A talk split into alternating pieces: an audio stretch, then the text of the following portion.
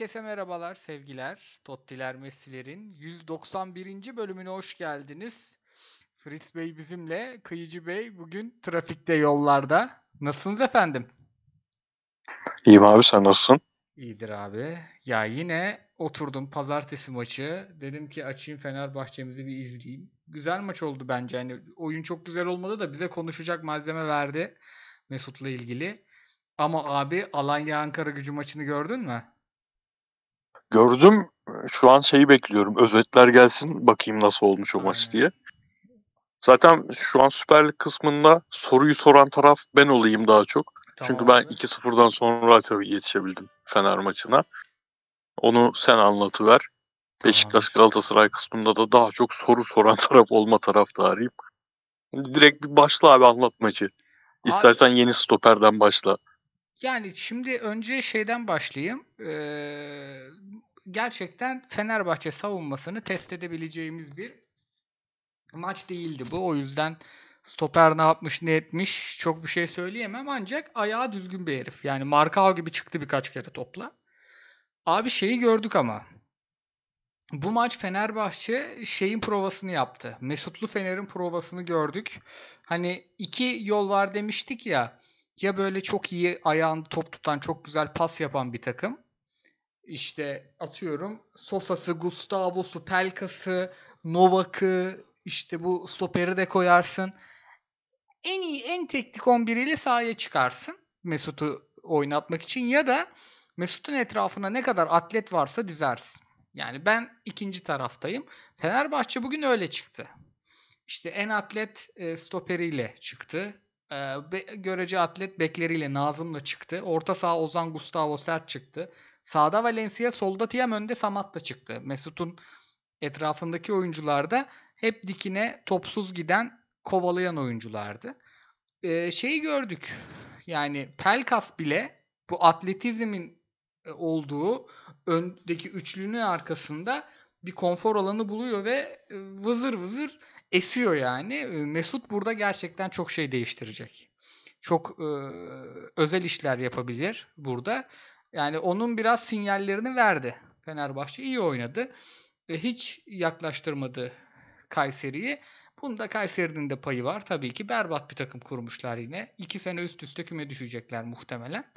E, ama Fenerbahçe için yani hava güneşli bugün. Yani bu oyunu bir daha izleyip maçın tekrarını izleyip Mesutlu hayaller kurabilir. Yani Fenerli olsam ben kurardım. Maç çok keyifli değildi ama maçın çok keyifli olmamasının sebebi Kayseri Spor'du. Fenerbahçe içeride nasıl oynanırsa öyle oynadı. Şimdi baktım 20 şutu geçmiş, %70 topla oynamış, 710 pas yapmış. Yani hem topu ayağında tutarak hem de kaleye dikine hızlı giderek oynadılar. Bayağı keyifli bir maçtı onlar açısından. Fenerbahçe taraftarı maçı bir daha izler. E, bu kadar yani maça dair söyleyeceklerim. Eğlenceli bir maç olmadı ama Fenerbahçe için güzel bir maç oldu. O zaman Tiam, e, Tiam diyorum. Mesutlu bir 11'de e, iki atletten bir tanesini eksiltip sağda, sağdan ya da soldan Tiam Valencia ikisinden birini eksiltip Pelkas'ı kanada alıp daha çok pas üzerinden oynayabilecek ama aynı zamanda da topu daha hızlı geri kazanabilecek bir takım yaratılabilir mi sence? Abi bence e, hem Tiam hem e, Valencia topu hızlı kazanmak için çok daha e, etkili ya. Özellikle Valencia zaten kite gibi oynuyor. Tiam da yani o presi yapmasa bile tehdit herif. Duruşu tehdit. Yani geçen sene de gol artı asist toplam 18 tane yapmış. Az yapmamış yani Paşa'da. Ee, o yüzden ben hiç bozmam. Yani Pelkas kulübede oturuversin. Ne kadar iyi oynarsa oynasın. Ee, şey Ozan, Gustavo, Mesut üçlüsünü hiç bozmam. Et, öndeki üçlüyü de hiç bozmam. Hatta oraya e, bence işte sağ tarafa aldılar ya bir çocuk. Samuel. Onun Hı hı. bonservisini Aa çöz- doğru. Bright Oyası var daha. Aynen. Ee, bu o çocuğu daha hızlı getirmeye çalışacaklardır. Papis Cisse ya da Ademi'den birinden çıkıp çünkü Tiam'ı merkezde de oynatır. Yani şeyi yapmak çok zor bence. Şu oyun 21 maç geçti.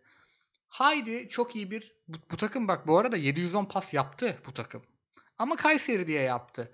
Yani ya hadi %90 toplu oynayacağım ben kimle olursa olsun. Guardiola, Guardiolacılık oynayacağım. Demek kolay değil bu kadroyla hemen. Ama bu takımın alıştığı bu atletizm üzerinden oturttuğu bir standart vardı sezon başında. Orada Pelkas'ı çıkarıp Mesut'u koymak bence çok daha pragmatik bir çözüm. Ona gideceklerdir diye düşünüyorum ben. Söylediklerine ek olarak bir de e, stoper e, ilk maçta rakip zayıf olsa da gösterdiklerini, umut ettirdiklerini genelde yayacak bir oyuncu çıkarsa bu arada nasıl ismini söylemekten kaçınıyoruz. Zalay abi işte Zalay. Zalay. Evet. Zalay. Neyse stoper diye artık kodlayalım ve geçelim net şekilde stoper olarak kendisini. O hani e, Markao benzetmelerini gö- gördüm sen de söyledin.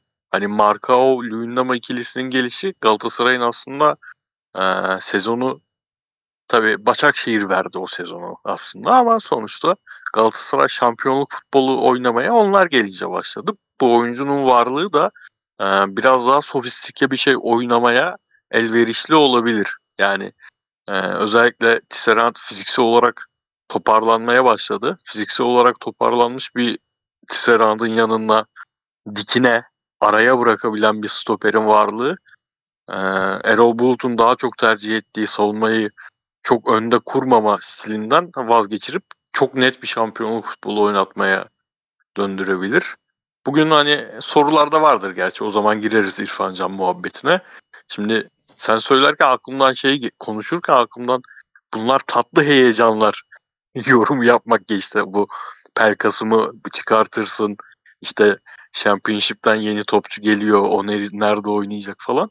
Ben hani şey duydum bir arkadaştan.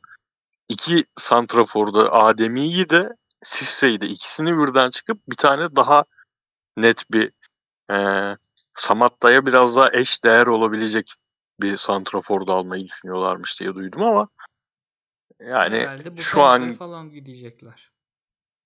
Evet olabilir abi. Olabilir. Yani işte bak hepsi aynı. Çünkü Samatta'yı da kanatta kullanıyor Erol Bulut. O atletik abi e, süratli dikine giden fizikli profil hep. Valla şey bu arada İrfan Can arka adeleyi yırtmış bir ay yokmuş. Onu da söyleyeyim şu an haber geldi. Ondan Hadi sonra, buyur. E, şey e, bu atletik oyuncu bence çözecekler. Yani Fenerbahçe'nin şu an sorunu buna ne kadar sorun denir bilmiyorum ama abi bu kadronun biraz sadeleşmesi lazım. Yani şimdi Sosa mesela 35'lik Sosa'ya ben burada 25 30 dakika yer buluyorum. 0-0'a tıkanan maçta. Ama artık Tolga'ya pek bulamıyorum mesela. Yani çünkü Tolga'ya ihtiyaç duyacak kadar yaslanmayacak artık bu takım. Yani çünkü o zaman Mesut'u kullanamazsın. Perkas'ı kullanamazsın. Ya da yani 25 kişilik kadroyu biraz sadeleştirip bir iki tane daha kafa oyuncu alabilirlerse bence gerçekten e, bu takım artık yürür. Yani çünkü abi Me- Mesut sonrası bence Sosa tamamen boşa çıkmıştı ya. Yani e, bu kadar beklentilerin altında kalan bir futbol oynamasa bile boşa çıkmıştı. Çünkü düzenli şekilde 4-2-3-1 oynamak zorundasın. 4-2-3-1'de de ben e, diğer orta sahalarını düşününce Fenerbahçe'nin ne Gustavo'nun yanında tandem ne Ozan'ın yanında tandem düşünemiyorum. Yani o onun oynayacağı oyuncu Sosa'nın oynayacağı oyuncu işte Gustavo'nun zamanında oynadığı gibi Zambo Angissa tipi bir oyuncu olması lazım. Hani Ozan biraz daha yakın görünüyor ama Ozan'dan hiçbir zaman fiziksel olarak en azından o istikrarı göremediğimiz için bence o yüzden İrfan Can haberleri çıkınca ben bunu böyle fiyatı artırmaktan ziyade sanki ulan Ozan'ı yazın satacağız. E, elimizde de takasta kullanabileceğimiz ve bize artık bir şey ver, vermeyecek gibi görünen oyuncular var. İşte Sosa'yı veririm, üstüne parayı veririm, çıkarım gibi bir şey düşünmüşlerdir diye düşünmüştüm. Vallahi abi katılıyorum bir yandan ama şeyi istiyorum. Yani istiyorum dediğim şey lazım gibi geliyor bana. Bu takımın gerçekten gereksiz bir kalabalık var ya. Kadroyu açtım. Evet evet. Yani şimdi Kayseri maçı kadrosunu açınca sanki o kadar da değilmiş gibi geliyor da abi bu takım kaç kişiymiş ya? Öyle abi. Yani Öyle. ama bunlar tabii tatlı telaşlar. Bir de özellikle Süper Lig'de o kadar çok şey var ki şu an eee, ihtiyacı olan takım var ki mesela Sisse'yi elini öpene 3 kuruşa verirsin. Örnek veriyorum. Bir sürü Tabii. var. Göztepe'ye vermez misin? Sen ne diyorsun abi? Göztepe var ya. Göztepe bence Rodallega'yı alacak bu arada. Hı hı. Diyelim abi var mı Fener'le ilgili eklemek istediğim bir şey? Yani gayet Abi dolu- sorularda gelmiştir muhakkak. Oradan devam ederiz. Oradan Beşiktaş Göztepe'ye zıplayayım. O da güzel. Bence izlediğim en iyi maç bu hafta sonu oydu. Gerçi ben bu hafta sonu NBA, NFL çok dağıldım. Görece az futbol maçı izledim ama dün çok eğlendim. Evet NBA, NFL dedin. Ee, Tom Brady hocayı da Trumpçı olmasına rağmen tebrik edelim. Neydi abi var ya Kaçıncı Super Bowl'lu olacak bilmiyorum ama işte herif NFC'ye geçtiğinden beri yani bir sezon bir Super Bowl'u var. Ee, Rodgers 13 sezondur NFC'de bir Super Bowl'u var. şey abi abi o Rodgers'la Rodgers'la bizim Breeze yani senelerdir adını duyduğumuz bu herifler bu herifler nasıl tartışmasına bile giriliyor böyle Brady'ye karşı harbi çok enteresan ya. çok ilginç. O kadar sinirliyim ki o Drew Brees kardeşime ya da abime. Şey çok iyiymiş. Atilla Zalaye'nin maç sonrası açıklaması. Bunlar Bein Sports'a tişörtle çıkıyorlar ya Bein Fair diye. Fair Sports mu bir şey işte. Be Fair pardon. Atilla Zalay şey demiş. Maç hakkında konuşmak istemiyorum. Zaten konuşsak da yayınlamıyorsunuz. İyi akşamlar diliyorum. Hoş geldin. Şakadır abi o. Şaka hesaptır. Gol Türkiye abi. Hadi canım. Valla sen şeyi hatırlıyor musun? Necati Ateş'in geldiği günkü ilk Tabii maç tabii tabii çok. Direkt o geldi aklıma. Sivas maçı mıydı neydi? Evet evet. Biz bu ligi bu renkleriyle Necati bayağı bir de böyle ağır konuşmuştu. Buna kardeşim hep Aynen. bize yapılıyor bunlar falan Aynen, diye. aynen. Ondan sonra Beşiktaş'a zıplayayım. Ee, Beşiktaş abi ya hakikaten bu böyle dönemler oluyor. Takım o kadar iyi oynuyor ki üzerine fazla konuşacak bir şey kalmıyor. Ama Beşiktaş'ta şöyle bir test vardı. Beşiktaş geri düşmüyordu abi. Ve bu oyun Evet evet evet aynen. bu kadro 0-1'i nasıl oynayacak ee, diye bir merakımız vardı. Gayet temiz oynadılar ve yani Rıza Hoca'nın ilk maçı olmasına rağmen Göztepe çok yaslanarak başladı. Ee, Ünal Hoca'nın. Apa- ne dedim? Kim dedim? Rıza. Rıza mı dedim? Yakışmadı. Ondan sonra e, Ünal Hoca'nın ilk maçı olmasına rağmen biraz fazla yaslanmış gördüm. Genelde hücum oynar işte onun takımları. Abi sonra ikinci yarının başında, ilk yarının sonunda başladılar çıkmaya. Yani şeyi anladım ben. Beşiktaş itmiş sanki Göztepe'yi biraz. Ondan sonra Tripic golü bulunca biraz bence orada yani şu maçın keyfini hakem kaçırdı. Özellikle Ensakala'nın kırmızıyla Ersin'in penaltısı çok netti. Ama onun yani onlar hadi yokmuş gibi davranırsak da Beşiktaş 0-1 abi oynayabildi. Yani üretemediği bir dönem olmadı. Fakat top Beşiktaş'ta kaldıkça şut sayıları düşüyor. Onu fark ettim. Yani bu üretemiyorlar demek değil. Beşiktaş %60, %65 topla oynayıp da maç kazanıyor. Ama şut sayıları çok azalıyor rakip topu bıraktığı zaman. Yani Mensah'ın oynamasına rağmen çok etrafında döndüler kalenin ve gelmiyordu gol yani. E, Gol bir bekletti e, ve e, maçın sonu zor geldi. Ama yani Beşiktaş'ın da özellikle sezon başına bak bakınca olağanüstü bir sezon geçiriyorlar ve şu an bakarsan yani Mesut'u henüz izlemedik. O farkı görmedik. Ee, şu an ligin en iyi topunu oynayan takım bence yani en standart en yüksek takımı bence Beşiktaş. Onu söyleyebilirim. Abi ben bu maçı direkt devredeki Laiç değişikliğiyle anlatırım. Çünkü eee, alırsa hani alacağının garantisi yok. Çoğu hoca almıyor. Devrede değişiklik yapmıyor. Ama hani 50 olmadan bir değişiklik gelirse 50-55 olmadan acaba Oğuzhan mı olur? Eee Laiç mi olur ve kim çıkar diye düşünüyordum. Bence Mensah'ın çıkması, Laiç'in girmesi eee Sergen'in Sergen Hoca'nın hocalığında çok ciddi direkt artı yazdı benim için. Çünkü hani Mensah'ı biliyorsun abi. Mensah bir maçın 20. dakikasında anlıyorsun. Bu maç Mensah maçı değil. Yani belli alanları bulamadığında Mensah e, çok çekilecek bir oyuncu olmuyor maalesef. Evet abi. Bulduğu zaman inanılmaz oluyor bir hafta önce. Abi bende sesin gitti ama muhtemelen Tamam. geri gelecek. Geldi. Bulamadığı zaman da ne oldu? Yok devam devam hiç problem yok. Bulamadığı zamanda dedim. Hızım kaçtı ama. Özür dilerim ama bir iki ya saniye bulamadığı zaman da sesin gitti de sen bulamadığı zamanda diye bağlayınca bir şey olmadı kusura bakma. tam uzatmıyorum ben de ya. Yani Laiç'i alması bence çok kıymetli. 3 hafta önce hiç adı bile anılmayan oyuncudan ve sürekli ulan bu adam şunu kazandı, bunu kazandı, şunu kazandı, bunu kazandı. Acaba bir de Laiç kazanır mı falan derken o kadar da değil herhalde diyorduk. Ve herif 2 hafta üst üste direkt oyuna etki eden işler yapıyor. Ee, sürer mi bilmiyorum. Umarım sürer. Bir de bu maçı şey diye kodlamak lazım. En, en sakala maçı. Artık maçları ben Beşiktaş'ın maçlarını Rıdvan maçları en sakala maçları Aynen. diye kodluyorum. bu da onlardan biri oldu. en sakalının olduğu. Ama e, ciddi fark ediyor abi en sakala Rıdvan. Yani ben her hafta Rıdvan övme taraftarıyım. Yani olmadığı maçta da öveceğim. Olmadığı zaman herif Rozi'ye bile fark ediyor ya. Öbür kanattaki Bek'in hali bile fark ediyor. Yani çok iyi sezon geçiriyor çocuk maşallah. Ki yani Sergen Hoca'ya da bir şey diyemiyorsun. Şu an bence gayet iyi gidiyor bu iş. İşliyor yani Rıdvan'ı dillendirerek oynatmak.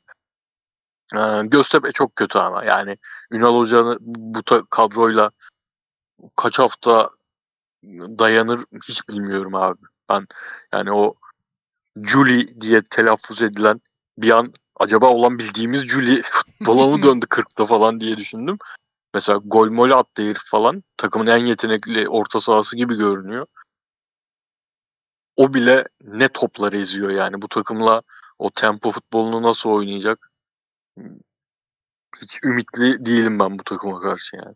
Ya en başından beri aynı şeyi söylüyoruz abi. Şey, iyi oyuncular var ama iyi bir kadro değil maalesef. Ki bence o iyi oyuncular var, iyi kadro değil. Yani iyi ama birbiriyle uyumsuz oyuncular var şeyi. Bu sezon için biraz da e, gerçek olmaktan çıkmaya başlamış. Hani o Castro'lu, Poco'lu kadro tam o kadroydu gerçekten.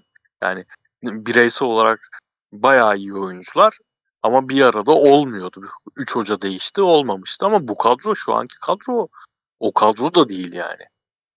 Bir yandan şimdi bakıyorum hakikaten ya nasıl eridi bu takım ya. Sürekli topçu alıp alıp eridi. Evet. Ee, Ama keyifli maç oldu. Güzel maç oldu. Şeyi de belirtmek lazım. Beşiktaş 7. günde 3. maçı oynamıştı. O yüzden biraz yani tempo e, orada biraz yordu e, takımı. Abu Bakar bu üç maçın ikisinde 90-90 oynadı değil mi? Evet. Yani gerçekten Porto sağlık ekibi size de helal olsun be. Yani bir ligin kaderi ancak bu kadar değiştirilir. Devam ediyorum, devam ediyorum. Beşiktaş'a dair de çok ekleyecek bir şeyimiz yok herhalde. O zaman Malatya Galatasaray'a geçelim. Bu maç bence abi çok önemli Galatasaray için. Çünkü Galatasaray genelde bu kırılma maçlarında hep kırıldı. Bu kadronun da özelliği biraz. Hani sert maçlarda biraz zorlanan bir kadroydu ee, yıllardır. Hatta Fatih Hoca buna genelde çözümü ikinci altı numarayı sahaya atarak hakikaten sert bir takım kurarak e, ve daha sert, daha pragmatik bir oyunla veriyordu buna cevabı. Çözümü öyle buluyordu. Malatya maçı da öyle oldu ama Malatya maçının sebebi zemindi. Berbat bir zemin vardı. Gerçekten top 3-5 kere sekiyordu. Kontrol edemiyordun yani. Böyle taş zeminde oynasan bu kadar oynanır. Ee, ona rağmen Galatasaray ilk yarı iyi oynadı. İkinci yarıda fena götürmedi maçı. Yani pozisyon buldu Galatasaray o sahada ve oyun prensiplerini değiştirmeden işte uzun topa direkt oyuna falan gitmeden yok abicim ben yine topu tutacağım dedi. Yine az pozisyon vereceğim, topla savunacağım dedi ve yaptı. Ama burada işte maçı çözecek, 1-0'a getirecek gol çok önemliydi. O gecikti. Geciktikçe sinirler gerildi. Bazı işte kötü performanslar vardı Emre Akbaba gibi. Lines gibi.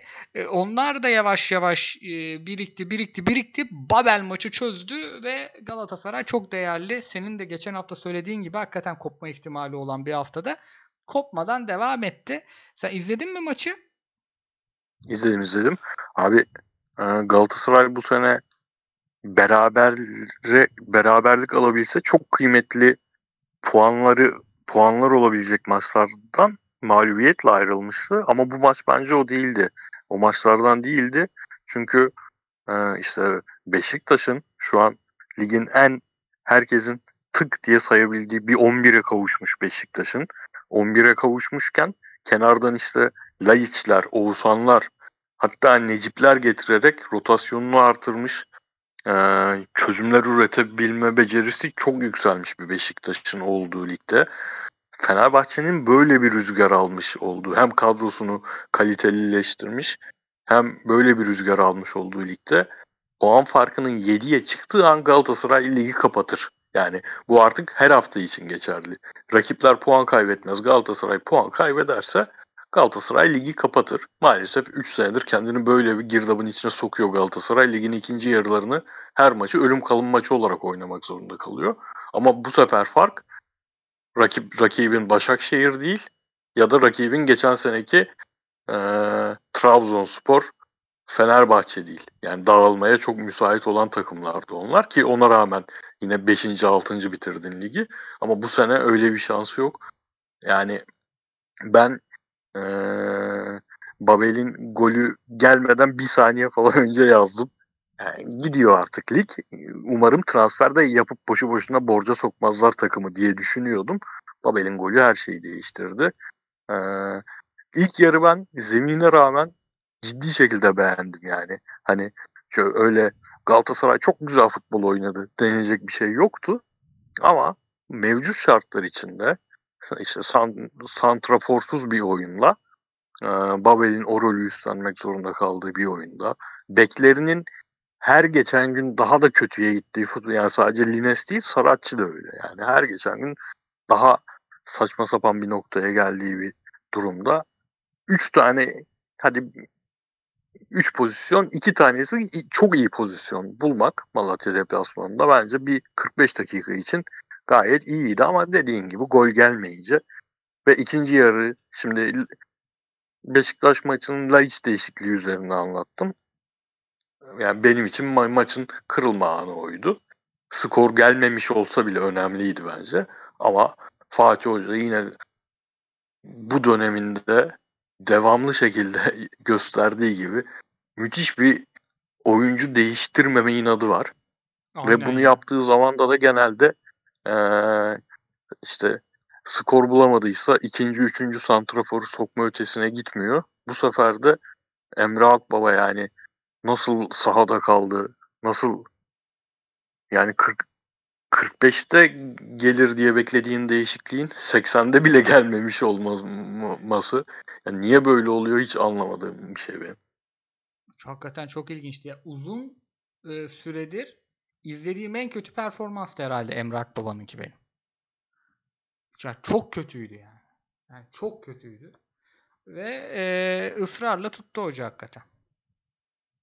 Yani zaten abi iyi halini düşünsek bile Emre'nin en iyi halinde Emre'nin ya bu oyuncu e, orta saha ve hücum pozisyonlarında hangi pozisyonda en oynamaz desek ya orta saha tandeminde iki oyuncudan biri olmaz deriz. Ya da üçlü orta sahaysa iç rolünde olmaz zor deriz. Yani ya dümdüz on numara oynar ya da kanattan oyun kurucu rolü falan oynar en fazla deriz. Ben oynamaması gerektiği rolde bu kadar uzun süre tutulması yani yani ben şeyden beri biraz da e, ümitsizleşmeye başladım. Hani hocanın tamam verilmiş sözümüz vardı. Sözümüz de işte Mayıs'ta bitiyor zaten. Dişi beni biraz yeniden kafanın artık saha içinde çok olmadığını göstermeye başlamıştı. Umarım yanılırım yani. Şu transferler biraz heyecan getirmiştir. Oraya geleyim abi ben de. Galatasaray bugün hem Halil Dervişoğlu'nu hem Onyekuru'yu açıkladı. Biz geçen hafta şeyi konuşmuştuk. İrfan Can harika bir futbolcu. Ee, şey ama İrfan Can'dan daha önemli eksikleri var Galatasaray'ın. Bence İrfan gelse bugün Galatasaray'ın en iyi orta saha oyuncusu olur. Ama Galatasaray maalesef daha iyi yapmaktan önemli şeyler var. Yani orta sahadaki o sağ iç sol iç mevkilerini daha iyi oyuncularla doldurmaktansa gerçekten oyuncu olmayan mevkilerini geliştirmesi daha elzem. Bunlardan birini geliştirdi gibi. Ne o? Yani değiştirdi gibi. Artık Galatasaray 1-0 oynarken özellikle ya da 0-0'da rakip yüklenmeye, bekleri çıkarmaya kalkarken artık Onyekuru gibi bir tehdidi var e, sahada. Halil de bu tarza uygun bir santrfor oyuncusuymuş. İzleyen birkaç e, eşimize, dostumuza sorduk. Ondan sonra e, Onyekuru transferiyle ilgili ne diyorsun? Ben İrfansız bir sağ bek artık Lines'in hali gerçekten gösteriyor onu. Bir de e, çok yoğun tempoda Taylan'ı yedekleyebilecek kupada kolay maçlarda ligde bu Malatyalı Yusuf o işi görür gibi. E, bu iki transferin Galatasaray'ı şampiyonluk yarışında sonuna kadar gidecek e, kadroyu kurduracağını düşünüyorum. Sen ne diyorsun? Ya ben Halil transferine söyleyebileceğim hiçbir şey yok çünkü hiç izlemedim. Üstüne de e, opsiyonsuz olması 5 aylık e, bir kiralık genç oyuncu fikri benim kafama yatmıyor. Yani tamamen sanki şey transferi gibi. Hiç sahaya atabilecek santrafor hiç kalmazsa yani Cagne, Falcao bu şekilde devam eder. Babel olmaz. Oğulcan da olmaz. Ancak o durumda problem yaşamayalım diye alınmış bir oyuncu gibi. Onyekuru şimdi Galatasaray'ın puan kaybettiği 3 maç geliyor aklıma. Bir Alanya maçı 3 puan kaybetti. Ee, Karagümrük maçı ve Kayseri maçı. Şimdi bunların iki tanesinde 10 kişi idi Galatasaray. O yüzden rakip yükleniyordu. Bir tanesinde de ee, rakip kendi yarı sahasından doğru düzgün çıkmamışken bir tane şutla puan kaybetti. Şimdi bu maçlarda Onyekuru tipinde Onyekuru'ya yakın bir tane oyuncusu olsa Galatasaray'ın Galatasaray muhtemelen şu an Beşiktaş'la aynı puandaydı. Muhtemelen. O yüzden e, bir de opsiyonu görünce bayağı şaşırdım. Acaba Onyekuru'ya dair Monaco'da bilmediğimiz bir şeyler mi oldu?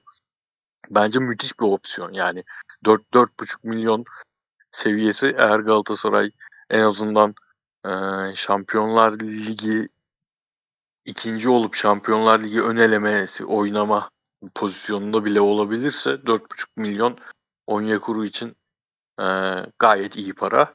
Çünkü hala bu oyuncuyu ileride yeniden paraya dönüştürebileceğim bir oyuncu. Ama bakalım yani bu seneyi tamamen boş geçti. Geçen sene geldiğinde onu en azından e, Moreno muydu hoca hı hı. o zaman? Onlar da o kadar hoca değiştirdi ki. Yani Kovac gelmeden önce Moreno zamanıydı sanırım. En azından yedekten medekten de giriyordu. 11 başladığı da oluyordu. Şimdi tamamen oynamadan geliyor. O anda biraz vakit vermek lazım.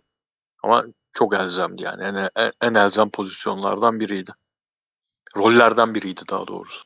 Abi şey ekleyeyim ben de. Şimdi Onyekuru Galatasaray'ın paraya çevirebileceği bir oyuncu. Çünkü bizim oyuncu yetiştirme tarzımıza uygun. Yani herifin zaten yani para eden özellikleri gelişmiş geldi.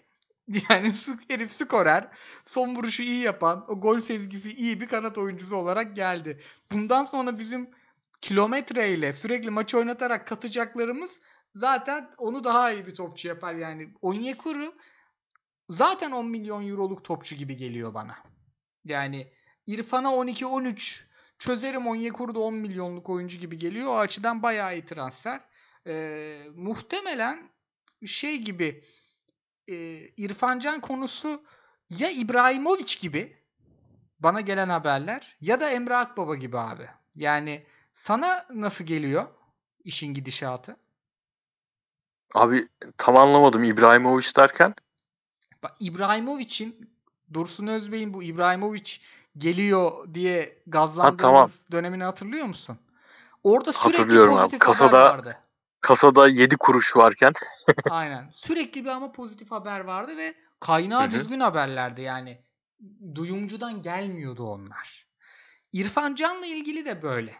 Öbür taraftan Emre Akbaba transferi de böyleydi.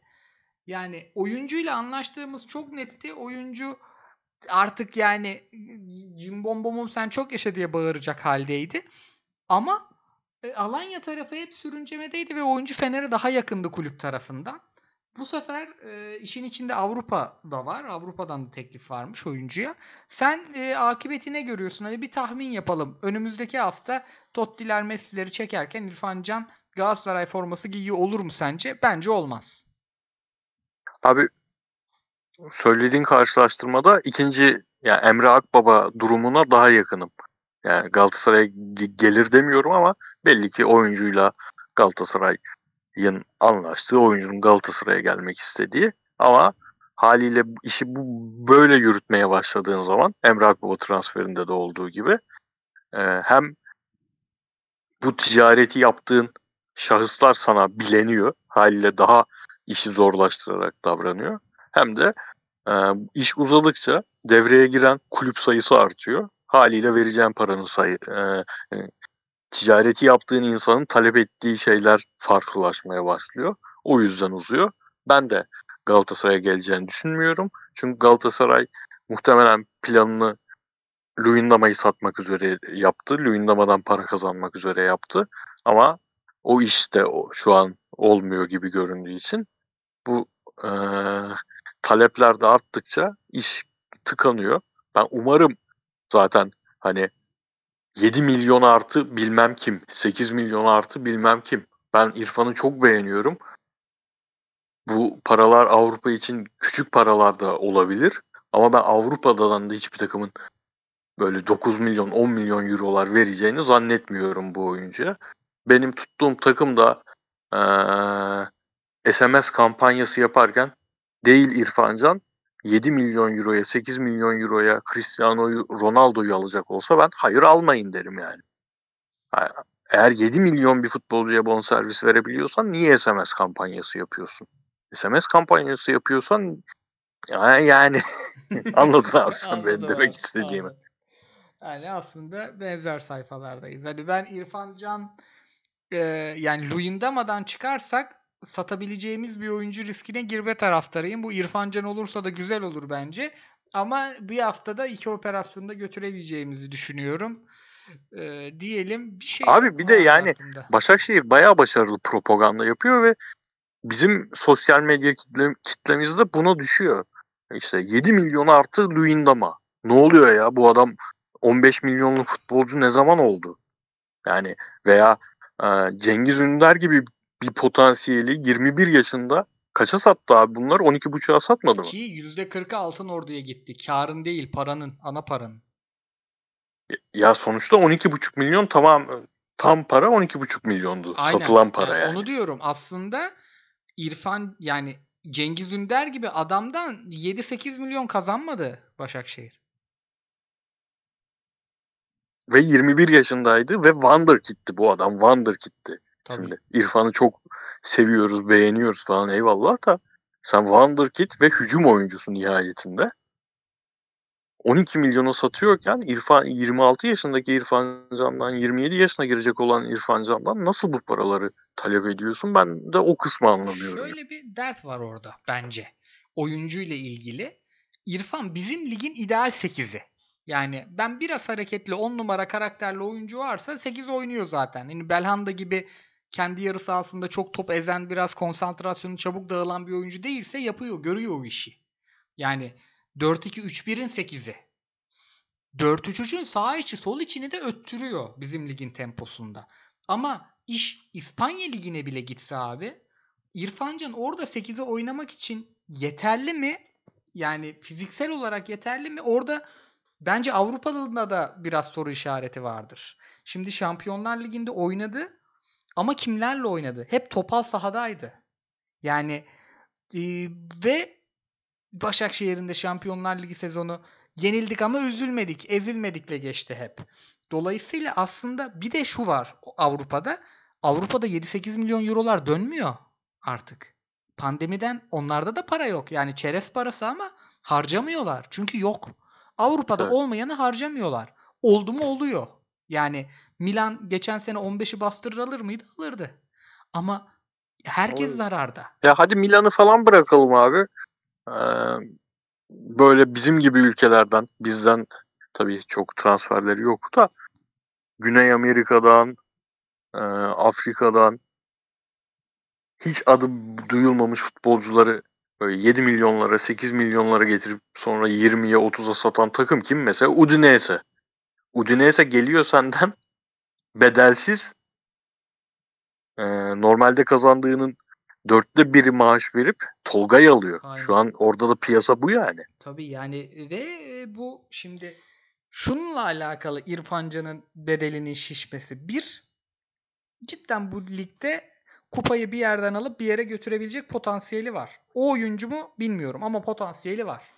Yani İrfan'ı aldık hayatımız değişti. %10 dersin ama dersin. O ihtimal var.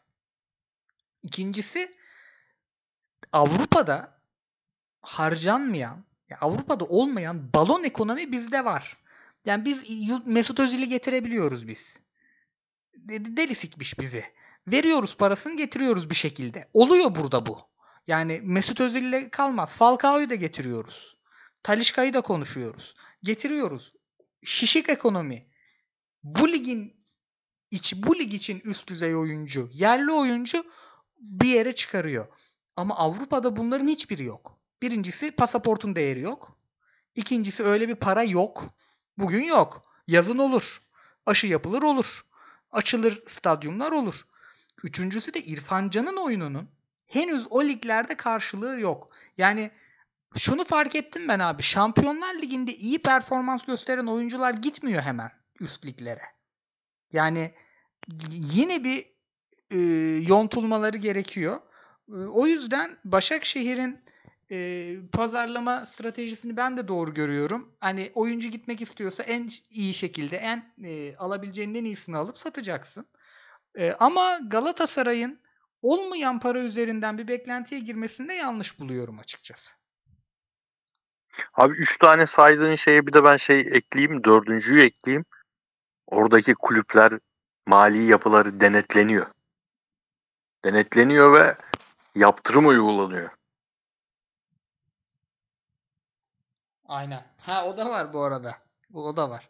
Yani doğru beyan, doğru takip. Bizdeki şişik ekonomi dediğim benim biraz da oydu.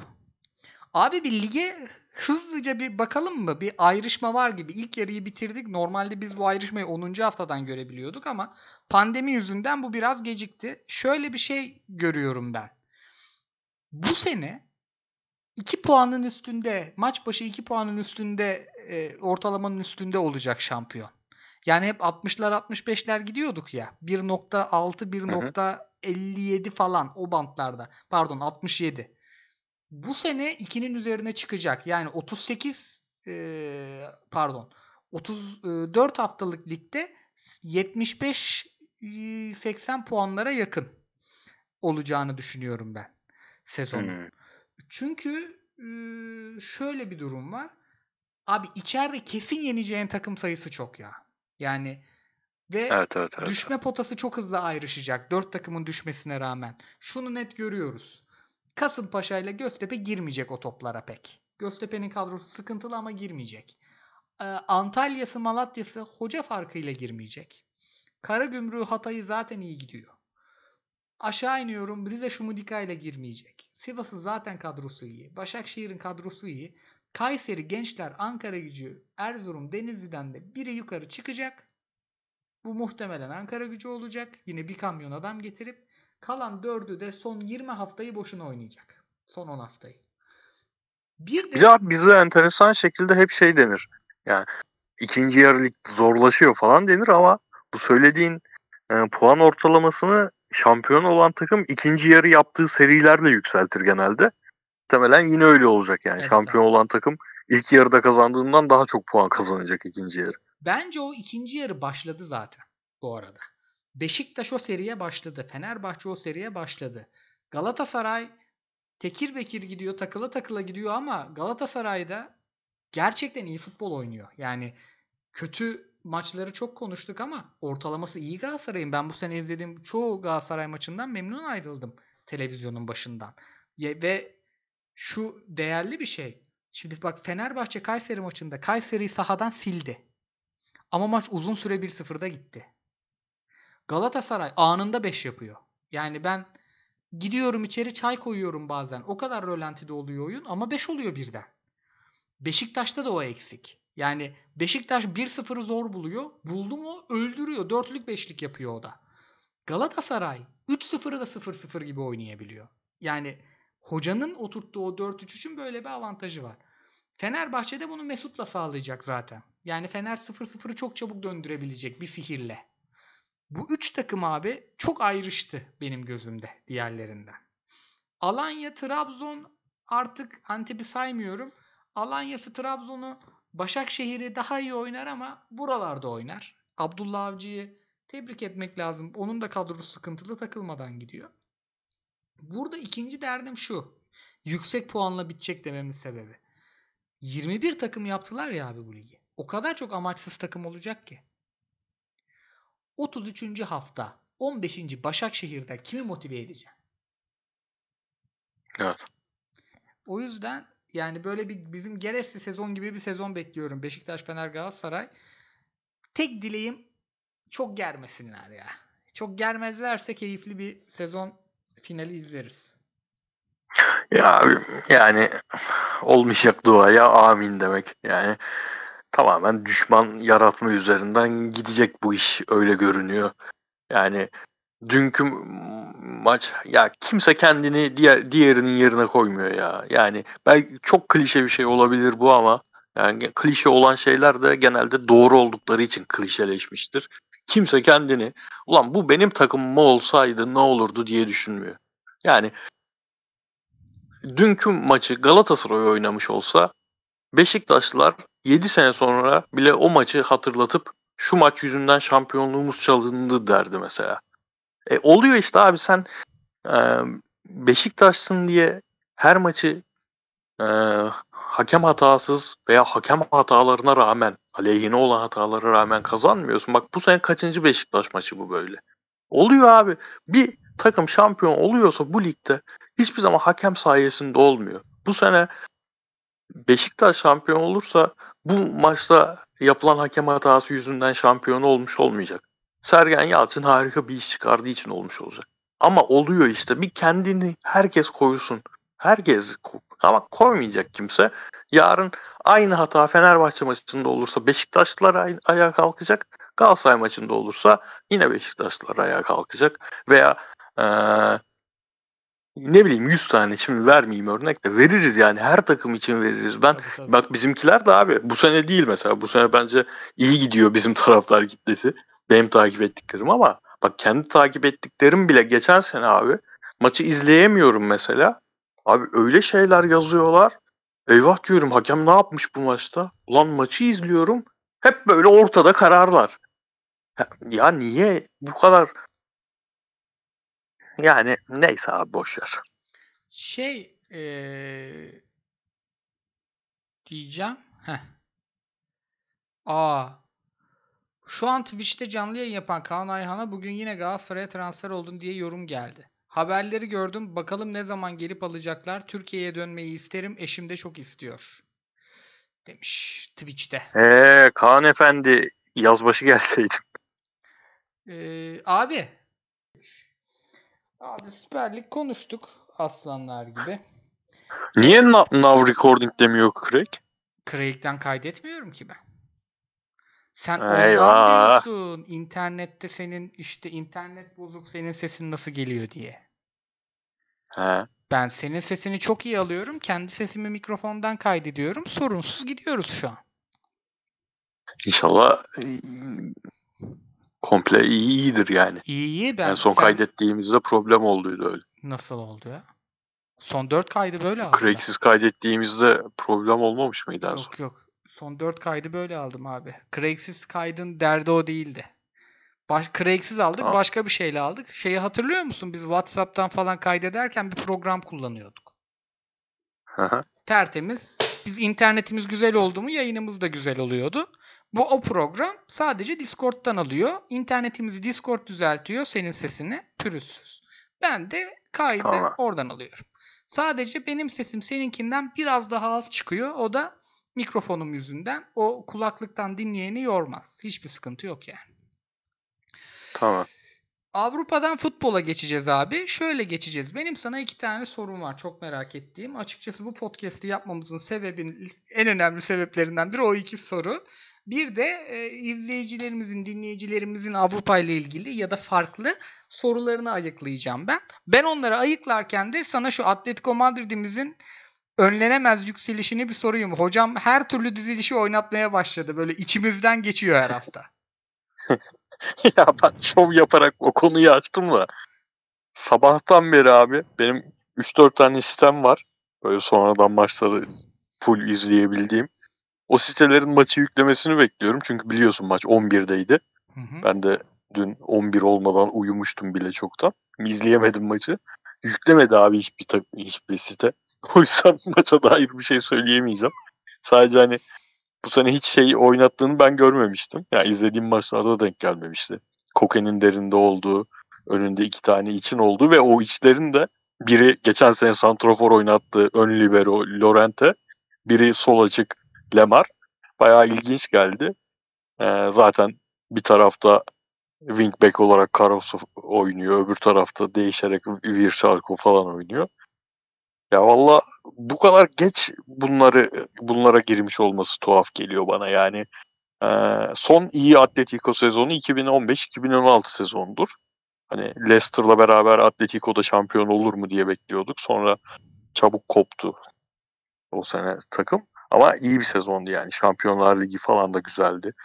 Bayern Münih'e elemek, finale gitmek falan. Ondan beri her sezona muhabirler şey haberleriyle başlıyor. Bu sene 4-3-3 deniyor. 4-3-3 oynatacak. Üçlü deniyor, üçlü oynatacak falan ama hiçbir zaman e, materyalize hale gelmiyordu bu durum. Sonunda görüyoruz. Yani 3-4-3 oynatıyor, 3-5-2 oynatıyor. Üçlünün her varyasyonunu oynattı şu ana kadar. Ve e, pas kalitesi çok yükselmiş bir takım izliyoruz. Yani mesela Juventus'a elenmenin iki sene önce bir numaralı sebebi takımın hiçbir fikri yoktu abi. Geriye düştüğünde ne yapacağına dair. Hatırlıyorsun o maçı şeydeki Torino'daki maç. zorluyorlardı kaleyi. Aynen abi yani yine böyle aşırı e, Sim- Simeone fanları şey diye savunuyordu. O gerizekalı Kore'ye penaltı yaptırmasa yine geçiyordu tu- turu falan diye savunuyordu ama ya o ma- maçı ortaya getirecek işte 2-1'e getirme ihtimali olacak hiçbir şey vaat etmiyordu oynanan oyun. Bu seneki takım vaat ediyor yani.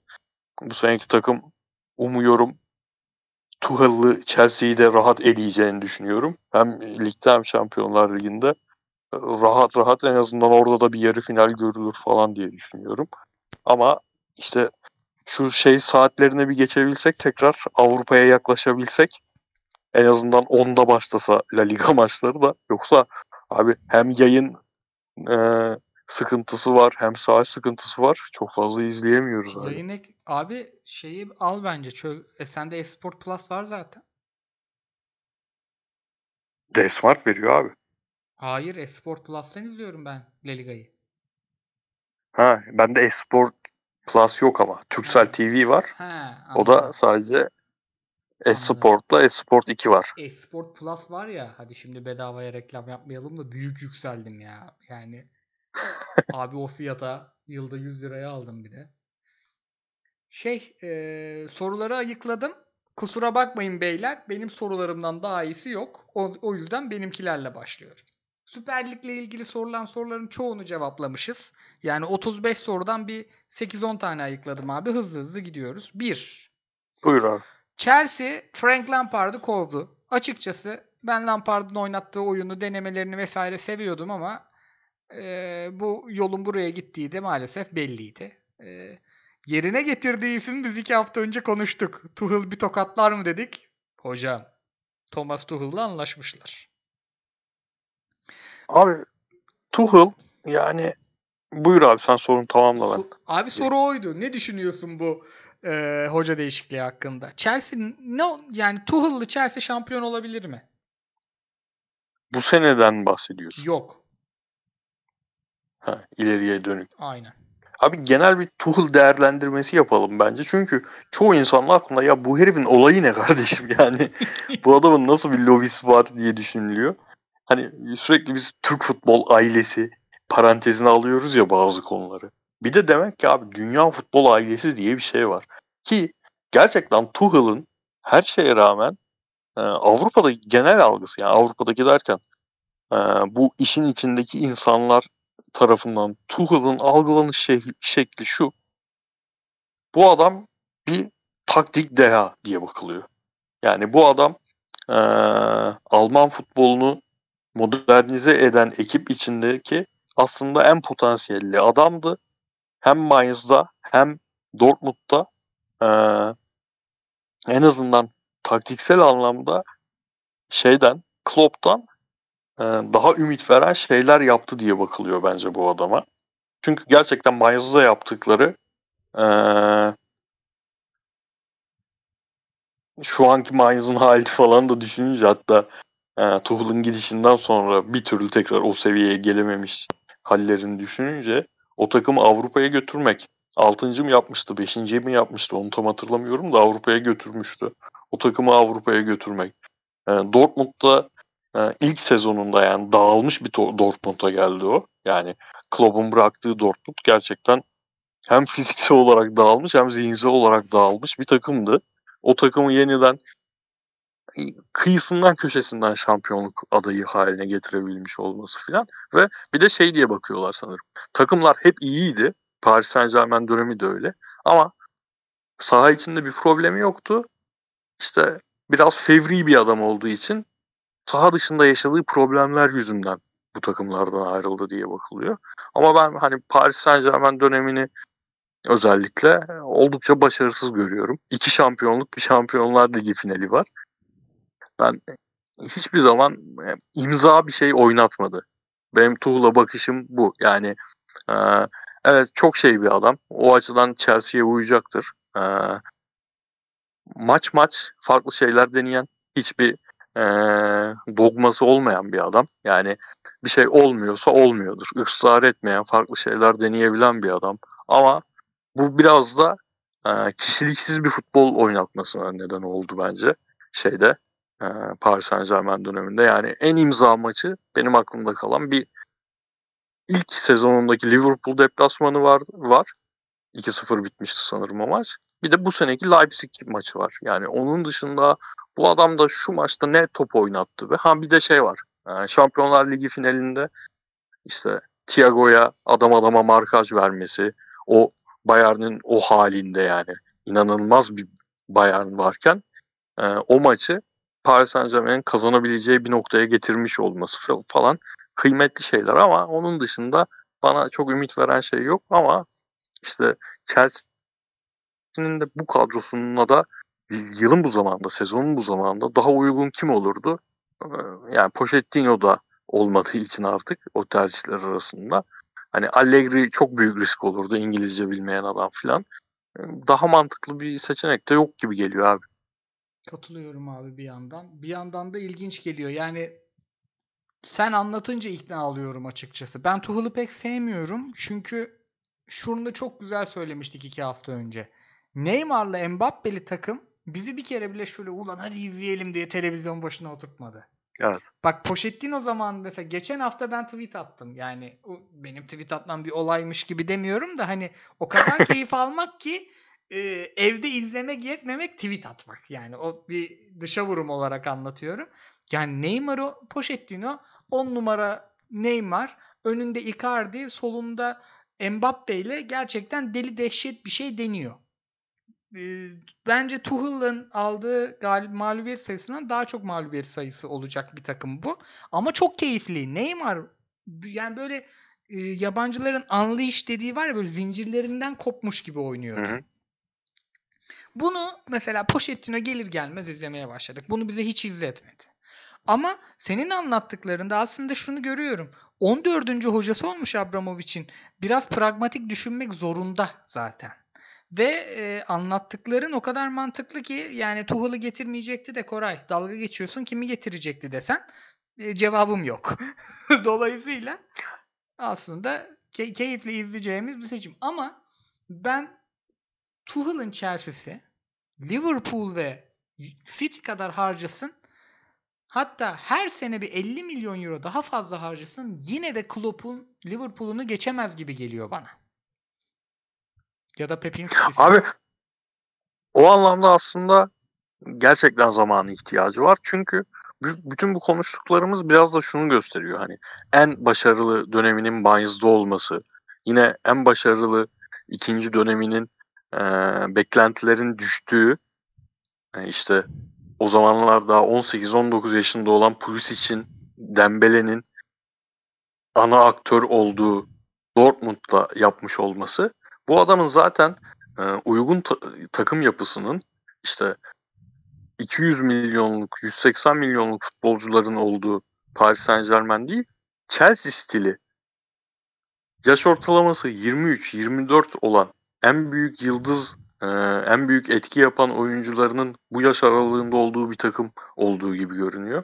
O yüzden e, çok da ekstra para harcamadan, bu yaz harcadıkları gibi paralar harcamadan belli bir süre verildiği zaman bir şey yapacaksa bu takım öyle bir hocayla yapacak gibi geliyor. Yani e, o açıdan hani Klopp'la bir karşılaştırma yapılacaksa 2015 Klopp'u, 2015'te Liverpool'un başına gelen Klopp ve daha sonra yıl yıl yıl yıl yıl yıl gördüğümüz gelişimi görme ihtimalimiz olabilir bence. Katılıyorum. Yani ikna oldum diyeyim. Katılıyorum demeyeyim. Çünkü sen konuşmadan önce hiç böyle olmayacağını düşünüyordum ama vallahi ikna oldum abi. Şeye geçeceğim. Ee, Arsenal'i ne zamandır izlemiyorduk, konuşmuyorduk. Ben artık tuttuğum için izliyorum ama birkaç haftadır bir değişiklik vardı. O değişiklikten ufak ufak bahsediyordum. Belli Smith e, Rowe'la ilgili. Abi hem 10 kilometreden fazla koşan, sürekli top isteyen, sürekli iki hattın arasında alan veren ve iki kanada da giden, hücumu çeşitlendiren hem de topu önde tutabilen bir oyuncu. Ve e, gerçekten boyu yani sınıf atlatıyor herif takımın oyununa. Bununla takımın oyununun kötü olmasının da payı var. Kolay sınıf atlıyor oyun. E, bunun yanında Partey'in kadroya girmesi de çok etkilemiş, etki etmişti ve eli yüzü düzgün bir Arsenal izlemiştik. Zaten onun ikisinin oynamadığı maçta da e, Southampton eledi kupadan.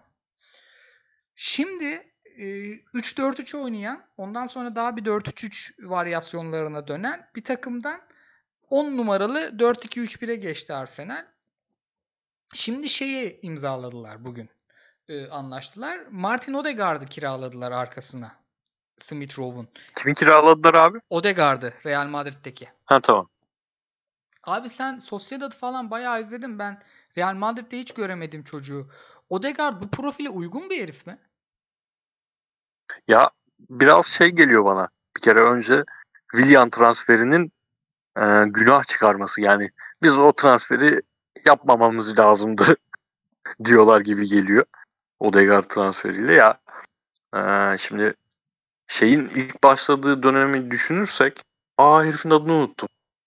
Basklılara küfreden o yüzden Arteta'nın sevmediği o İspanyol'un adı neydi abi? Yine Real Madrid'den gelen. Aa. Bilmiyorum. Aa herif lan. Abi deliriyorum. Ben y- yayın devam edemeyiz böyle bak. Ceballos değil Şu değil an- mi? He Sebayos ya of. O mu o şeref? Bak ya. Ulan zaten kıl kuyruğun teki. Aa haberin yok muydu ondan? Yok. Abi bak. şey diye tweet'i var herifin. 19 yaşında 20 yaşında falanken. Yani tam Real Madrid altyapısında piştiği zamanlar. Aa, şey Castilla'da piştiği zamanlar. Aa, keşke Baska Bask ülkesine bomba atsak diye tweet'i var herifin. Bomba atıp silsek yeryüzünden diye tweet'i var. Yuh. Sığırbaş.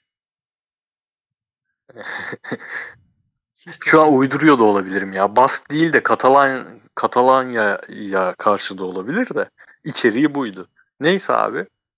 Ee, onun ilk başladığı zaman yani müthiş heyecanlıydık ve bir ilk bir 5-6 haftası var ki onun. Tamam Arsenal buldu diyorduk orayı. Hem de 2 sene kiralık en azından. Bir sene de değil. Bu herif götürür.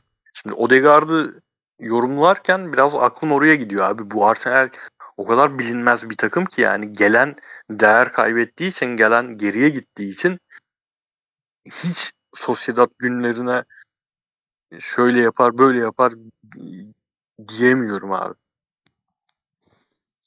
Ben Vallahi temel fikrim 10 numara için yani 4-2-3-1 oynayacaksa 10 numara için yetersiz kalabileceği yönünde Premier Lig'de. Çünkü ne o skor katkısı istenildiği kadar verebilir ne de ee, en azından takımın Arteta'nın istediği sertlikte savunmada onu sağlayabilir. Ama bir 4-3-3'e dönerse Arteta o zaman başka şeyler konuşabiliriz. Anladım aslında. O 2-8 gibi kullanmamız daha doğru diyorsun. Ee, bu yarın da 23-15'te maç var. Keyifli açacağım, izleyeceğim. Ee, şimdi benim sorular bitti. Favladıklarıma geçiyorum. Mesut Hoca erken bir çiçek açtı hocam demiş sana. Ee, yılın ilk Çağla Bademi çıkmış abi Ocak'ta. Geçiyorum onu. Abiler Avrupa'da tüm takımların neredeyse stopere ihtiyacı varken demiş Mert Demir. 42 milyona serbest kalan Upamecano'yu niye kimse almıyor? İşte diyorum para yok millette. Harcamıyorlar ya. Yani Ya bir de bu Red Bull takımlarının e, şeylerinde bu e, çıkış bedellerinde hep bir, bir rakamlar dönüyor ama kesin doğru mu bilmiyoruz yani. aynen. E, çünkü bazı takımlar var Upamecano'nun yarısı etmeyecek oyunculara 25-30'ları falan çıkabiliyorlar hala. O yüzden hani benim haberim yoktu 42 milyon çıkışı olduğundan. Varsa ve al- alınmıyorsa, varsa ve Klopp almıyorsa bak, hadi diğer bütün takımları geçtim. Klopp almıyorsa yani Nail Gürgen kardeşimizin söylediği her şeye katılırım bundan sonra o Klopp hakkında. 42 milyona eee, gelecek 10 yılın en iyi 3 stoperinden biri kesin olacak adama. Şu an zaten en iyi 10 tanesinden bir tanesi. Gelecek 10 yıl düzenli olarak en iyi 3 stoperden biri olacak adama 42 milyon vermiyorsa Liverpool şu an ve biz e, bu yüzden de bütün takımı rezalet oynuyorsa yani abi bu takımın e, bir numaralı hücum gücüne Alexander Arnold. Ale- Alexander Arnold'ın dünyanın en iyi futbolcusu gibi oynayabildiği düzenle en azından Fabinho ya da e, Hen- Henderson ikilisinden birinin orta sahada olduğu düzen. Sen bu adamları stoper olarak kullanıyorsun ve Upamecano almıyorsun ya. Yani ne ayıp. Ki ikisi birden orta sahada oynadığında gerçekten Ale- Alexander Arnold dünyanın en iyisi oluyor. Şu an sürünüyor herif ya. Aynen. Aynen abi çok kötü durumda ya herif. Öküz başlı antilop sormuş. İyi yayınlar dostlar demiş sağ olsun. Şampiyonlar Ligi'ni geriye dönüp baktığımızda Inter'in kazandığı yıla kadar hep dünyanın en iyi e, bek ikilisine sahip takımından biri almış. Çoğunun oynanması diğerlerinden daha kolay olduğunu söylediği bu mevki buna hiç katılmıyorum abi. Bek oynamak bence çok zor. Hiç halı sahada bek oynadın Kim söylemiş abi? abi onu? İşte Kim söylemiş? herhalde forumlar falan. Bek oynamak var ya inanılmaz zor yani. Bir de önündeki açık. Aynen. Artist bir açıksa. Üf. Öf. Bir de şeyde sıkıntısı şu Bekin. O açığın rakibin işte önünde oynayan açık yorgun olduğu zaman dinleniyor. O yorgun olduğu zaman da- hücumda da seni koşturuyor. Sırf savunmada değil. Push bekliyor topla. Ben hep sol açık oynadım. Ben bunu çok yaptım yani. Abi iki adım atıyorsun içeriye. Sırtı dönük alıyorsun. Sen dinleniyorsun. Beki bekliyorsun gelsin diye. Herif zaten 60 metre koşmuş anasını satayım. Hayatı sikilmiş orada. Bir de hücuma koşturuyorsun. Bir de savunmaya koşturuyorsun. Bek oynamak feci zor. Aslında sahada Bir de s- 3 mevkiye de dokunan tek mevki o. Mesela stoper ha aynen abi onu diyecektim. alavere girmez. Ama bek hem stoperiyle düzgün oynamak zorunda. Hem önündeki açıkla hem merkez orta sahayla. Çünkü o açık forvete gidiyor. Hem de santraforu ortayı kesen adam. Sabri 3 tane hatalı kestiği zaman küfür yiyordu mesela. Abi sporcularla ilgili benim ben hayran olduğum şey bu aslında. Yani fiziksel miziksel işler bir tarafa. Mesela Bekin stoperiyle en ufak bir ya 90 dakika maç yapıyorsun ve bir defa bir iletişim hatası yapsan stoperinle takımın büyük ihtimalle gol yiyor. Ve kafanın içinde sürekli bununla 90 dakikayı geçirmek mesela ben hayatta sporcu olamam. Sadece bu yüzden. Takım sporcusu olamam. Bu müthiş zor bir şey ya. Aynen Ya o beynin bu heriflerin beyninin O, o şekilde çalışma şekilleri hayran ediyor beni kendileri. İşte Sorun neymiş abi? Ha, en üst seviyede sizce ne fark ettiriyor demiş. Biz zaten fikre katılmadığımız için bek oynamak zor olduğu için en iyi bekin çok fark ettirdiğini söylemiş olduk. Zaten Bizim çok en papağanlaştığımız. Yani konulardan biri ya be, be- bek konusu. 3 senedir.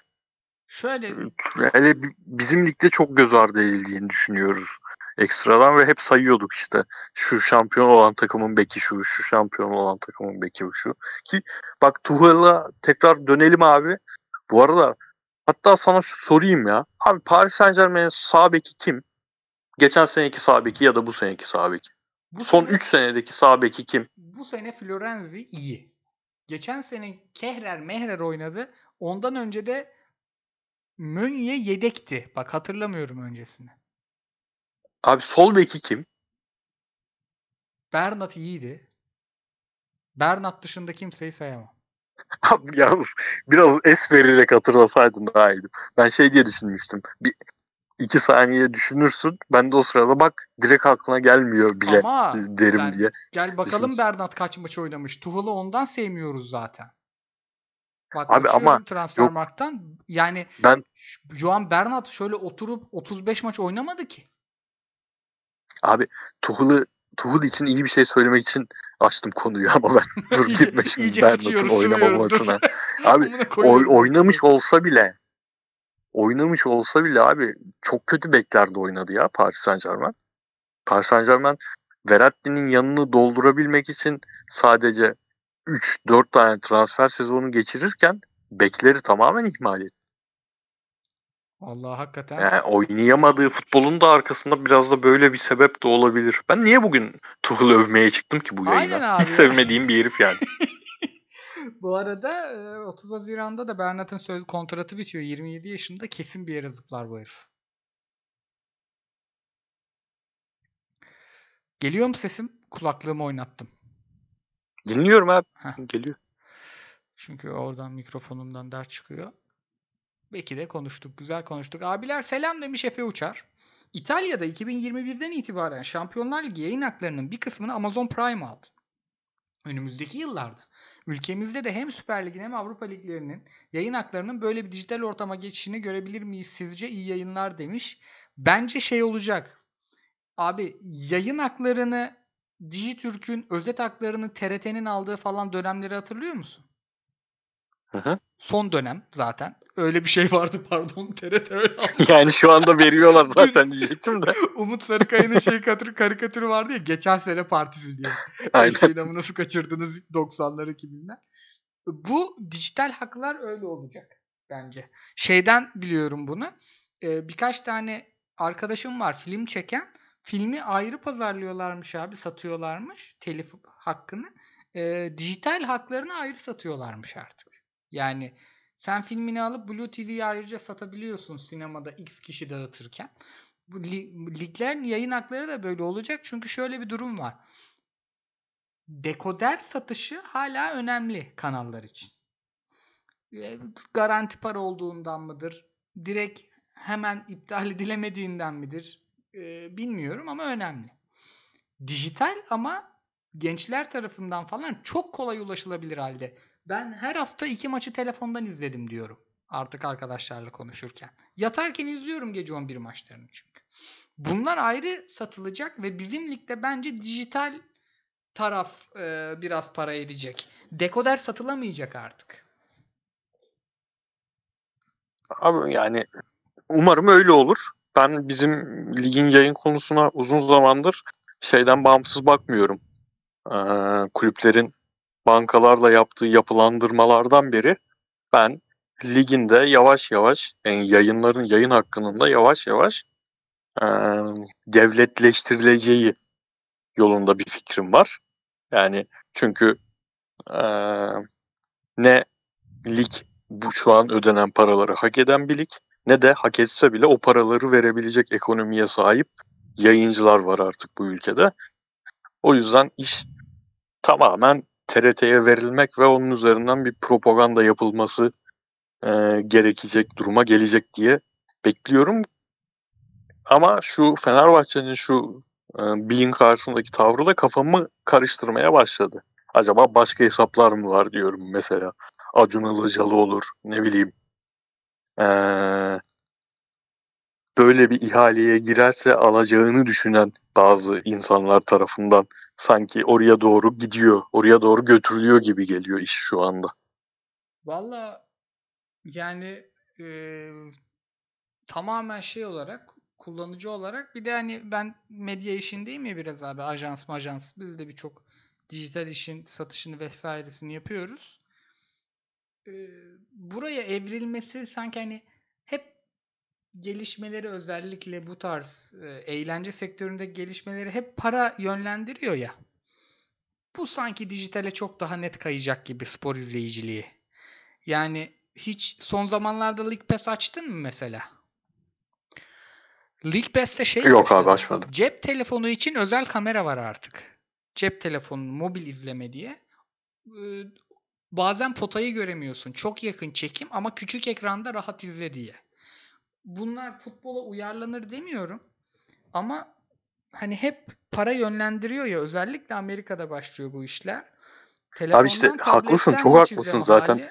Ben itiraz etmiyorum da sen çok ideal bir ülkeye göre konuşuyorsun Ha, bunları. evet. Bizde de ben de şunu diyor idealden değil. Kimisi kapitalizmin sonucu olarak geçiyor.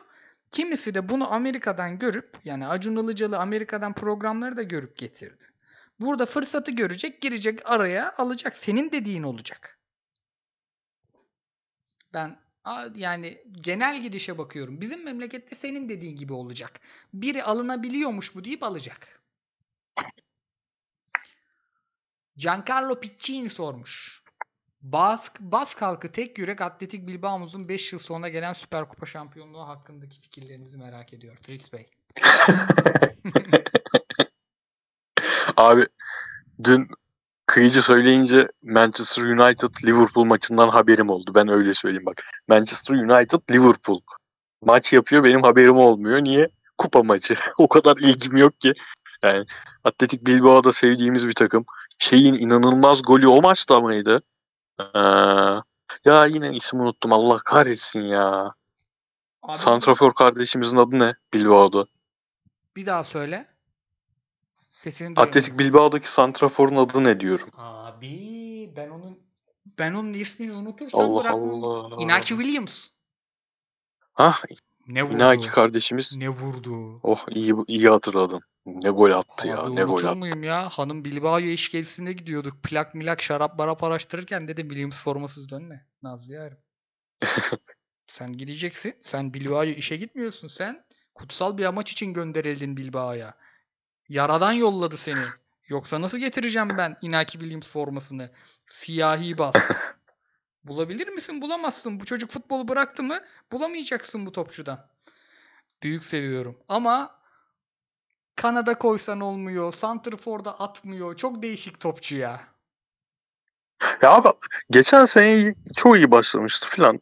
Ben santraforluk özellikleri de gelişmişti de biraz şeye dönmeye başladı. Ee, Niang'a dönmeye başladı. Niang da ara ara ümitlendiriyor ya. Aa bu sefer oluyor galiba bundan santrafor da çık- çıkar bu oyuncudan diyorsun. Sonra hep eski halini. Abi şeyi sorsana Kubilay Gökkan'ı Kaya'nın sorusu. Sabah onu timeline'ımda gördüm. Sorar mısın o soruyu? Çok sinirlendim. Bana denk gelmedi o. Dur senin profiline Abi. hemen. Dur dur ben söyleyeyim. Heh. Söyleyeyim. Sor, soruyu. Fritz, Jack Grealish, Madison e, ve Mount kadar ümit vermiyor. Hala aynı görüşte bak. Bir şey söyleyeceğim. ettim soruyu. Abi bir şey söyleyeceğim. Herhalde ses kalitesinin kötü olduğu bir yayına denk gelmiş diyeceğim de bir yıldır öyle kalite yok. Yarım yamalak dinlemiş ya. Bizim Grealish'i Abi dilendiğimiz çok kadar. çok kızdım ya. Çok kızdım sanki bilenmiş iki sene önce. Ya kardeşim. Kubilay Gökkaya. Abi ben Madison'ın stilini daha çok seviyorum dedim bir. O zamanlar iki sene öncesiydi bu. Jack Grealish 10 numara oynuyordu ve hep şeye benzetiyordum ben. Alanya'da Akbaba'nın bütün topları alması, aldığı e, rolüne benzetiyordum. Diyordum ki bu adamı kimse alıp kimseden kastım işte Real Madrid'ler, Manchester City'ler 10 numara olarak takımın temel oyuncusu olarak almaz. O yüzden de Madison, James Madison çok daha uygun geliyor bana. James Madison stili. Çünkü iç oynar, tandem oynar, on numara oynar. O kadar gol atmaz belki ama daha uygun geliyor diyordum. Oydu yani sebebi. Ben Jack Grealish'in övmeye başlamam, beğenmeye başlamam sol, sol açığa geçmesi bir kanat oyun kurucu olarak hem skor hem asist coşmaya başlamasıyla başladı yani. Aynen bir de şey çok açık zaten. Yani büyüdükçe biraz da oradan şeye geliriz. Bruno Fernandes överiz. Seviye yükseldikçe forvet arkasından beklenti şöyle değişiyor. Babacım topa daha az değ ama daha çok yarat. Ah, aynen. Siktir git. Böyle iş mi olur lan? ama öyle. Şimdi Bruno Fernandes çok değişik bir herif bak. Abi dribbling de yapıyor çocuk. Topu çok taşıyor. Ya zaten United'ın sistemi çok uygun dribblingçi oyunculara. Ama şey yapmıyor. Mesela Messi gibi tık tık tık tık gitmiyor. Kedi adımı yok herifte. Driblingi de topu az dokunarak yapıyor manyak. Vuruyor, kovalıyor. Kendine pas atıyormuş gibi. Çok değişik bir oyuncu mesela. Yani türünün tek örneği resmen. Mesela şeyin e, Havertz'in de zorlanmasının sebeplerinden biri olarak onu görüyorum. Topla ilişkisi biz hep onu övüyorduk Leverkusen'de. Topla ilişkisi azalmasına rağmen yaratabiliyor. 9'u da oynayabiliyor diye. Ama görüyoruz şimdi haşır neşir olamadıkça kopuyor oyundan. Grealish de öyle. Hala öyle. Bütün oyun sola yıkılıyor çünkü. Ve senin dediğin gibi Madison bu işin o seviyedeki şahı. Dört kere topa değiyor iki asist herif. Ve bunu şey yapmıyor. Bir de o var. Hani e, durur durur bir gol atarsan maç alır değil. Herif sav- 10 kilometre de koşuyor yani. O yüzden bunu çok temiz anlattığımızı düşünüyorum. Devam ediyorum. E, Tuchel sorulmuş. Baskı geçtik. Evet son sorumuz abi Avrupa'dan. Biraz Gerard hocamın Rangers'ını över misiniz? Ö- abi hiç izledin mi? Övemeyiz. abi bu soruyu yani o kadar 40 tane sorudan seçip seçip bunu mu seçtin ya? Abi bütün Avrupa olanları seçtim. Ben soru ayırt etmiyorum. Ama şöyle söyleyeyim en çok Fenerbahçe sorusu gelen haftamız. Bütün e sor abi yani niye vaktimiz mi yok? Niye Yo, konuşamıyor muyuz? Sen Avrupaları sor dedin ya ondan. Ha, Avrupa'yı sorarak konuşalım yok canım. dedi. Yok yok kalk. Tamam tamam. Orada konuşuruz Avrupa'yı. Hızlı geçiyorum ama. Fatih Hoca'nın akbaba ısrarı cevapladık. Kıyıcı hocam TV yüzdeki kötü rock taklidi demiş. Kıyıcı hocam cevaplar. Fenerbahçe'nin Samuel trans. Abi sen Samuel izledin mi? Yok abi. Hiç, hiç denk gelmedi bana ya. Mustafa kusura bakmasın. Galatasaray'ın dış şutlarda etkili bir takım olabileceğini düşünüyor musunuz diye sormuş. Fegulis Babel'i olan takım olması lazım. Tayland'a vuruyor. Olur yani. Niye olmasın? Ama bizim bir şut sorunumuz var değil mi? Az vuruyoruz biz biraz dışarıdan. Abi şut çekilecek bölgeye yani Serkan Akkoyun Hoca daha iyi tarif eder o bölgeleri. Bizim bildiğimiz kısım. şut çekilecek bölgeye adam sokmakta problem yaşıyoruz. Evet. Biz bir de şeye indiğimiz zaman cidden kale ağzına iniyoruz toplaya. Heh güzel. Evet. Tanju Çolak'ın Falcao'ya seslenişi temalı video hakkındaki görüşlerini rica ediyorum. Ben bunu bugün jingle yapayım mı? Yoksa çok mu cıvıdı? Yap abi. Tamam. Yani sen bilirsin. sen, fark ediyorum ben. Bir, bir tık cıvıdık. Devam ediyorum. Herkese selamlar abi. Takımı satın... Heh güzel. Boris sormuş. Takımı satın almadan bu kadar yüklü nakit akışı sağlayan bir kulüp başkanı modeli var mıdır? Ali Koç dışında demiş. Ali Koç. Ben ileride zaten takımı satın almaya yönelik hamleler olarak yorumluyorum bunları. Yani yoksa hiç dünyanın hiçbir kulübü başkanı ne kadar zengin olursa olsun işte geçen sene iki sene önce bu zamanlar açıklamıştı o borcu. Şu anki borç muhtemelen biraz daha fazladır. O kadar borç içindeyken bu şekil para harcamaz. Yani ben ileriye yönelik öyle bir planı olduğunu düşünüyorum açık Ali Koç'un açıkçası. İlk yarının 11'ini sormuş Ersin Hoca. Kıyıcılı bölümde şöyle ben de çalışayım öyle bir gelelim de bir Ama görselini yapmayalım. Ne sormuş abi? İlk ne yarının- sormuş? Ligde ilk yarının 11'i. Ha konuşalım onu ya. Kızar şimdi. Tamam. O kızıyor çünkü sonra. tamam. Abi sağ bek Rozier. Güzel. Sol beke Rıdvan diyeceğim. Diyeceğim. Sempati seçimimiz olsun. Abi başka adam gelmiyor benim aklıma mesela. Düşünüyorum sol bek. Şimdi Rıdvan az oynadı diyeceğim ya. O, o, o 12 maç mı çık- çıkardı? 12-13 maç. Caner 6 Rıdvan- asist yok. yapmış. Girer mi? Yok abi. Yani yok ben ben sokmam. Yani. Yuh! Alexander Ee, Maxim 10 gol atmış. Kim abi? Maxim Antepli. Aa harbi ne zaman atmış? Hep penaltıdan mı attı ya? Çok ilginç geldi bana da. Allah Allah. Abi net oyuncuları bir sayalım bak.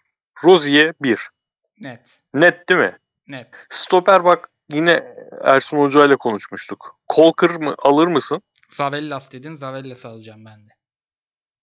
Abi ben de Zavellas dedim de sonra Markao alırım diye düşündüm. İki tane sol ayaklı olacak diye sanki tak- takımı gerçekten sahaya çıkartacağız da. Aynen ben Zavellas marka uygundur ya. So Tamam, Jose- orta- Josef'i ortaya- kesin alırım. Bak Josef'i Aynen abi. Kayıtsız şartsız alırım. Jo- Joseph çok net. Benim için Pelkas da çok net. Tamam. Koydum 10 numaramız var. Pelkas, Bir 8 yazdım. Abu Bakar. Abu Bakar'ı koydum. 9'umuz da tamam. Sol beke Tamam, geri kalan- koyduk mu? Abi benim gelmiyor aklıma. Tamam. Sol bek gelmiyor şu an ligden. Sayayım. Caner olmaz dedik. Saratçı girmez. Antep'in sol kanadı zaten şey e, üçlü oynuyorlar. Orta sahacı. Onu alamayız. Alanya'nın solu Mubanje sakatlıktan kaçırdı. Trabzon sol bekini yolladı. Hatay Aa Marlon gitti mi? git yok. Plaza gitti pardon. Marlon duruyor. Özür dilerim. Sağ bekini yolladı. O yaşlı adam gitti. Pereira. O, Ünal Hoca'nın yanına gider o. Muhtemelen. Ee, yok abi eli yüzü düzgün. Yani Rize'lere Tamam Rıdvan'ı aldık biraz. ya. Tamam. Sol açık kimi koyacağız? Sol açık, sol açık. Sol açık. Yok abi çıkmıyor sol Sana bir açıkta. şey söyleyeyim mi? 12 tane gol attı. Kallerini koyacağız. Larin değil mi? Aynen herif Yani. Harbi. Sergen Yalçın yani ligi ifade etseydin abi dövseydin ligi Rozier, Souza, Larin, Abu Bakar 1, 2, 3, 4, 5 kişi var şu an. Kaleye Josef'in yanına kimi koyduk? Kimseyi koymadık. Kaleye bir Altay diyelim mi? Kim abi? Altay. Sezonun başında çok tuttu. Yani ka- kale yapmasak bile olur ya. tamam. orada- Şu orta sahaya kilitlendim. Tamam. Orta saha Josef'in yanına Ben- adam. Galatasaray'dan çalışmaz. Taylan abi sen ne diyorsun? Aa evet lan Taylan. Allah gibi Taylan, Taylan. çocuk. Sağ ön Doğru doğru Taylan. Vişçe kusura Sağ bakma. ön. Olmaz. Abdülkadir olmaz. Endao. İstersen koyarız. Bu Penza'yı Koy- koyayım mı sağ ya. tarafa? Ha? Bu Penza. Abi o da az oynadı sanki be. Öyle mi ya? Hemen bakayım bir. Bir de yani önde oynadı hep hiç sağda görmedim ben. Meraktan bakıyorum şu an. Yo oynamış çocuk. 20 maçın 18'ine çıkmış. Ama Allah Allah. zaten dediğin gibi genelde forvet oynadı. Biz oraya Abu Bakar yedeği bu Pemza gibi yazalım. Ha, Sa- Endao iyidir. Endao iyidir Endao'yu sağda. koydum. Sayıyorum şimdi kadromuzu. Hemen 4-2-3-1 dizdik. Yeni yeni takımın başına geçmiş Mesut Bakkal gibi dizdik takımı. Aslan hocam. Kalede Altay. Sol bek Rıdvan. Stoperlerimiz Zavellas Marcao. Sağ, sağ bekimiz Rozier. Orta sahada Joseph Taylan. Sol açık Lerin. Forvet arkası Pelkas. Sağ açığımız Endao. İleride de Abu Bakar. Mis gibi kadro kurduk ayaküstü. Yani. Yani. İrfan Can Fener'e kazık mı atmış? 10 milyona Fener'e gitse sevinir misiniz demiş. İrfan Can gibi topçuyu rakipte görmeye üzülmem. Şey sevinemem ya. Mesut Tabii canım. iç güveysi soruları var. Alter sormuş. Abi İrfan Can Fener ilişkisinde hani benim takılı, takıldığım nokta şu olur. Şimdi haliyle 4-2-3 birden başka bir şey oynamayacak takım. Ben İrfan Can'ın eee, iç performansı yani arkasında bir tane arkayı toparlayan adam olmadan sadece e, yanın tandem orta saha olarak aynı etkiyi yapar mı bilmiyorum. Emin değilim yani ondan. Çünkü bu sefer rolü çok değişik olacak. İrfan e, takımın kalbi rolünden, arkası temizlenen adam rolünden, önünde arkasını temizleyeceği adamlar olacak şimdi. Çok bayağı değişir yani değiştirir. Görmek lazım olursa ben hani Galatasaray'a da gelse, Fener'e de gelse 7-8 milyonun üzerinde şu an bir performans gösterdiğini hiç düşünmüyorum İrfan'ın.